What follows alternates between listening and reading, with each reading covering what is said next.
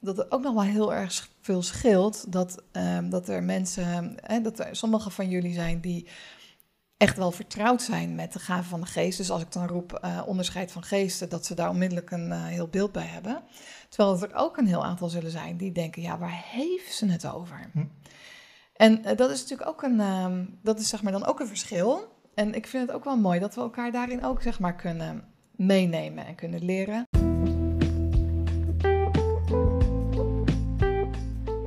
Leuk dat je luistert naar Ga met God. Een podcast van Rafael Almere voorbij je dagelijks ommetje voor op de fiets, in de auto of gewoon op de bank. Laat je inspireren tot een goed gesprek met God en met elkaar. We starten een nieuw seizoen met een nieuw thema, de gaven van de geest. Dit naar aanleiding van de Bijbeltekst in 1 Korinthe 12. Daar staat een rijtje van negen bijzondere skills die de Heilige Geest je kan geven. De komende tijd behandelen we elke maand daar een onderdeel van. Deze aflevering is dus de aftrap. Mira legt nog eens uit wat die gaven zijn en we praten erover door hoe wij het zelf beleven. En je krijgt aan het eind een opdracht mee waar je deze week concreet mee aan de slag kan. Vol van de gaven van de geest. Vol van de geest, precies, vol van de gaven van de geest. Ja, Mira, want dat is het, het jaarthema, ons, ons seizoensthema. Neem ons nog eens even mee, waarom hebben we dit thema eigenlijk gekozen? Ehm, omdat het een heel logisch vervolg is op het vorige thema van vrucht van de geest, waarbij het gaat over je karakter. En nu gaat het over je, eh, zeg maar, wat je ermee kan doen. En dat we, nou ja, dat ik, dat wij proeven bij eigenlijk praktisch iedereen in de gemeente dat er gewoon behoefte is om echt te groeien, te groeien, geestelijk te groeien, te groeien in kracht, te groeien in, ja, in, ehm, in echt dat God, dat, dat, dat iedereen merkt en leeft met de geest en dat we merken dat er iets gebeurt. Kracht, Kracht. Ja, dat het iets in beweging zet. iets in, ja, Ja, precies, ja, ja. ja. Yes, ehm, je hebt de eerste de aftrap gedaan met een, Ja. met algemeen ehm, eh, een beetje een overview over het hele thema. Eh, kun je dat nog even, even kort samenvatten? Volgens mij heb je twee dingen. Ja, ik, heb, al- ik, ik ben begonnen met het verhaal over waar de ehm, zeg maar, uitstorting van de geest eh, plaatsvond. Dat is natuurlijk eh, in handelingen gebeurd. Maar goed, door de geschiedenis heen zie je een aantal momenten waarop iedere keer zo'n opwekking plaatsvond. En een van de grotere opwekkingen waarbij de geest, ehm, waarbij echt die gaven van de geest zeg maar vrijkwamen, daar heb ik wat over verteld. En ehm, de conclusie, zeg maar, die als je daar eens over na gaat zitten denken, is dat daar ehm, dat dan de focus eigenlijk door de geest zeg maar gelegd wordt op eenheid. En dat het zo ongelooflijk belangrijk is om één te zijn eh, en omdat van daaruit zeg maar God zijn zegen gebiedt. Dat hebben we afgelopen zondag ook gesproken en, en, en eh, met elkaar beleden. Dat, eh, ja, dat dat eigenlijk met elkaar verbonden is. En dat het heel lastig is en dat, we, dat, dat je ziet zodra daar eenheid ontstaat, ja, is de boze zeg maar daar ook weer bij om dat stuk te maken, zodat er maar niet die kracht van, ehm, van het Ja. geloof vrijkomt. Ja. want dat, dat zou nog wel een vraag van mij zijn. De, de geest, eh, het woord eenheid staat centraal. Je hebt ook denk ik een aangrijpend eh, verhaal verteld over de, de kerk in Los Angeles, waar die eenheid, Van juist waar de uitstorting van de geest plaatsvond, waar eigenlijk, eh, als je dat achteraf bekijkt, het misschien wel voortijdig gestopt is, Ja, eh, omdat de eenheid verbroken werd. ja, Eh, eigenlijk door racisme. ja. Eh, waarom is eenheid zo belangrijk, denk jij? Ehm, nou ja, ik, ja, ik denk dat het ten diepste laat het zien wie God is. Ehm, de, gewoon de, de, de eenheid van God, Vader, Zoon, Geest. Ehm, en dat in die eenheid, zeg maar, ehm, eh, dus, dus geen verdeeldheid, is geen verwijdering, maar dat eh, brengt verbinding, eh, het brengt acceptatie. Eh, Het is de basis, ik denk ook voor liefde. Ja, dat is zo, zo God, zeg maar. Hm. En, en ik denk waar eenheid echt goed functioneert, ja, daar, daar heerst liefde. Hm. En eh, dat is, daar gaat het natuurlijk uiteindelijk, is dat het Ja, doel ook ja, daarvan. Ja.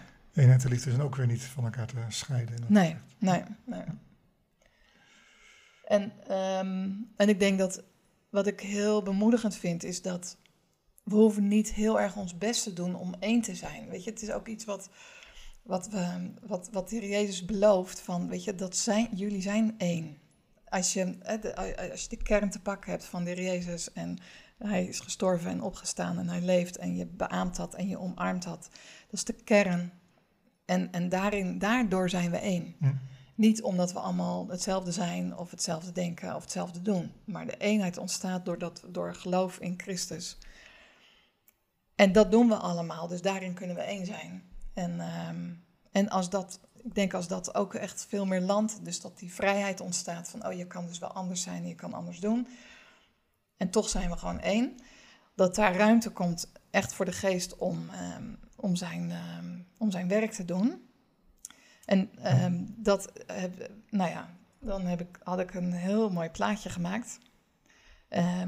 Dat, waarin ik de gave van de geest in een vorm van een gereedschapskist ehm, nou ja, had getekend. Het is een beetje een flauw plaatje, maar goed. Verder wel helder, waarbij je dus een driedeling hebt tussen eh, de gave waarbij je wat doet, waarbij je denkt en waarbij je spreekt. Dus voor je hand, voor je hoofd en voor je mond.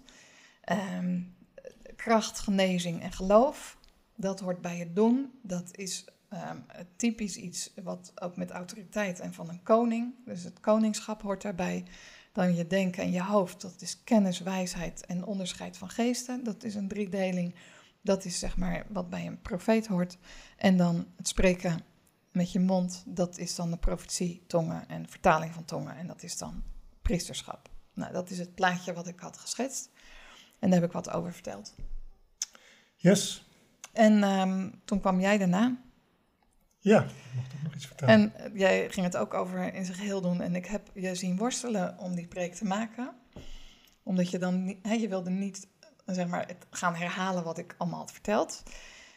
En, eh, en omdat het ook wel iets raakt in jouzelf. Waarbij je denkt van ja, de gave van de geest, de vrucht van de geest, dan ga ik helemaal aan en snap ik helemaal. En die gave van de geest vind je dan ingewikkelder. En ehm, waar, je hebt er wel aardig wat over verteld, maar kan je samenvatten waar, waar die terughoudendheid zeg maar, voor jouzelf dan wat vandaan komt? Eh, oeps, Zonder, waar die... zonder, zonder dat je alles herhaalt, en anders moeten mensen gewoon de preek even terugkijken. Eh, ja, ja, de- een goede vraag. Waar die terug aan het. Ja, dat, misschien weet ik dat juist wel niet, zeg maar. Het is Hm. misschien wel een soort. De, ja, een- een- een- misschien is het wel angst of onzekerheid. Het eh, kan iets te maken hebben met eh, loslaten van controle. Alhoewel ik daar op zich persoonlijk niet zo heel veel moeite mee heb.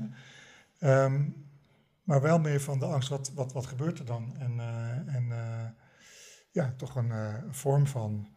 ehm, je, moet uiteindelijk wel iets toelaten. God, de- geest kan dingen met je doen of door je doen, waar het, eh, ja, die, die, die anders zijn dan wat ik zelf per se zou- voor zou kiezen. En ik denk dat dat toch wel meespeelt.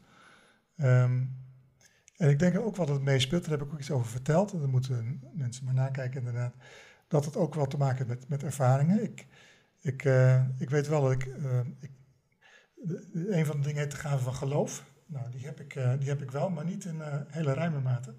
Dus ik ben altijd wat, ja, wat, misschien wel wat sceptisch. En ik vind het gewoon lastig om echt te omarmen dat de, hele goede dingen. Ik ben altijd, kijk altijd dingen het liefst van twee kanten. Wat genuanceerd, analytisch. Nou, en dan zie ik soms wel dingen gebeuren in de christelijke charismatische wereld. Die worden toegeschreven aan de, aan de geest, die dan allemaal hè, prachtige dingen doet. Waarvan ik denk, nou, ik weet niet of dat wel zo prachtig is, of ik weet niet of het allemaal wel klopt. Ja. En ik zeg het maar gewoon zoals het is, want het, met dat ik het zeg, vind ik het ook heel vervelend om te zeggen. Want ja, waarom, wie ben ik om eraan te twijfelen? Ja, Ja, zo, zo is het wel. En, en dan heb je misschien de neiging om het kind met badwater weg te gooien. Ja, ja, ja. ja, dat is dan het effect. Ja, Ja, ja. en dat is, dat is juist natuurlijk wat je niet wil. Ja. En daarom is het ook heel tof om gewoon dit, ehm, nou, dit, dit, dit thema zo met elkaar door te beleven. Want het grappige is dat ik, ik merk in de, in de gemeente dat er meer mensen zijn die dat hebben, maar er zijn ook een heel aantal die dat helemaal niet hebben. En daarin zou je bij wijze van spreken alweer een stuk eenheid kunnen verliezen. Terwijl dat het juist tof is om elkaar mee te nemen en om nooit tegenover elkaar te gaan staan, maar altijd naast elkaar en te zeggen: hé, hey, als jij daar net eh, dat lastiger vindt, en neem, eh, ik neem je bij de hand en ik help je om een stap te zetten en om gewoon eh, daarin Ja. eh, te groeien met elkaar. Dus dat is ook wel weer heel erg tof. En ehm, Nou, en ik laat nog iets toe, want Ja. het is, ik denk dat dat, eh, ik vond het eerst een beetje ingewikkeld, maar misschien is het juist wel erg mooi dat wij er ook verschillend in zitten. ja, dat Hè? klopt. Want ja. eh, ik bedoel, wij zijn heel veel dingen, eh, teamen we enorm. Ja, Maar dit is wel een van de onderwerpen waar Ja, we duidelijk een andere beleving in hebben. Ja. Nou ja, laat het maar, laat het maar helpen dan. Dat, je- Ja. Misschien altijd wel iets in ons verhaal ergens waarmee je kan, eh, kan vereenzelvigen. Dus, Ja. eh, En wat ik me ook nog realiseerde is dat we. je kan er gevoelsmatig zeg maar dus anders in zitten. Maar ik denk dat, dat het ook nog wel heel erg veel scheelt. Dat, ehm, dat er mensen, dat er sommige van jullie zijn die echt wel vertrouwd zijn met de gaven van de geest. Dus als ik dan roep eh, onderscheid van geesten, dat ze daar onmiddellijk een eh, heel beeld bij hebben. Terwijl er ook een heel aantal zullen zijn die denken, ja, waar heeft ze het over? Hm. En eh, dat is natuurlijk ook een, ehm, dat is zeg maar dan ook een verschil. En ik vind het ook wel mooi dat we elkaar daarin ook zeg maar kunnen meenemen en kunnen leren. En voor degene die, voor wie, als ik zo even zo noem, krachtgenezing geloof, dat je echt denkt van wow, waar heeft ze het over? Ze komen één voor één langs komende maanden. Dus je kan ze echt één voor één uit de gereedschapskist pakken. Iets van alle kanten bekijken en denken, oh, dit vind ik wel tof. Of van nou, hier, deze weet ik niet helemaal, die laat ik nog even liggen. Ik, pak, ik begin even met een andere. En dat is gewoon wel mooi dat je die ontspanning kan hebben. eh, dat je niet alle gereedschappen in één keer perfect hoeft te hanteren. Maar dat het echt een proces kan zijn waarin je gewoon kan groeien.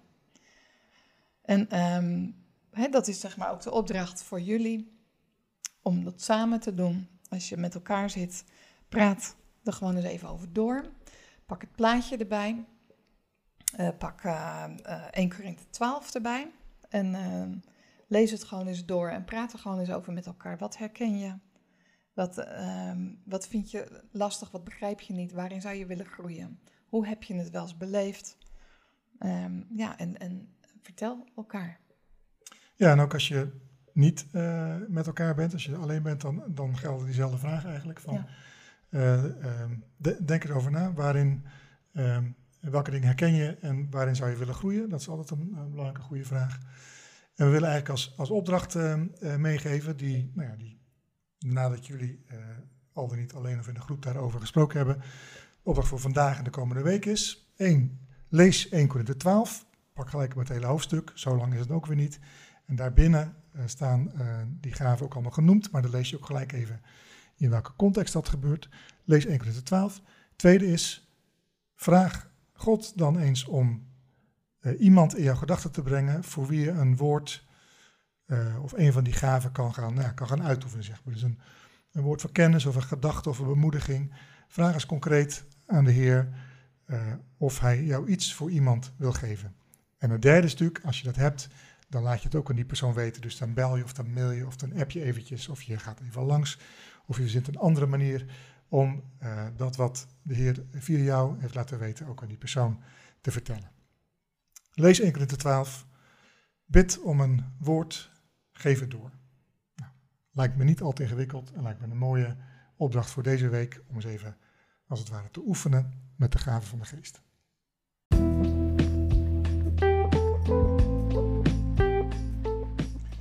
We hopen dat je hebt genoten van deze podcast. Heb je vragen of wil je doorpraten?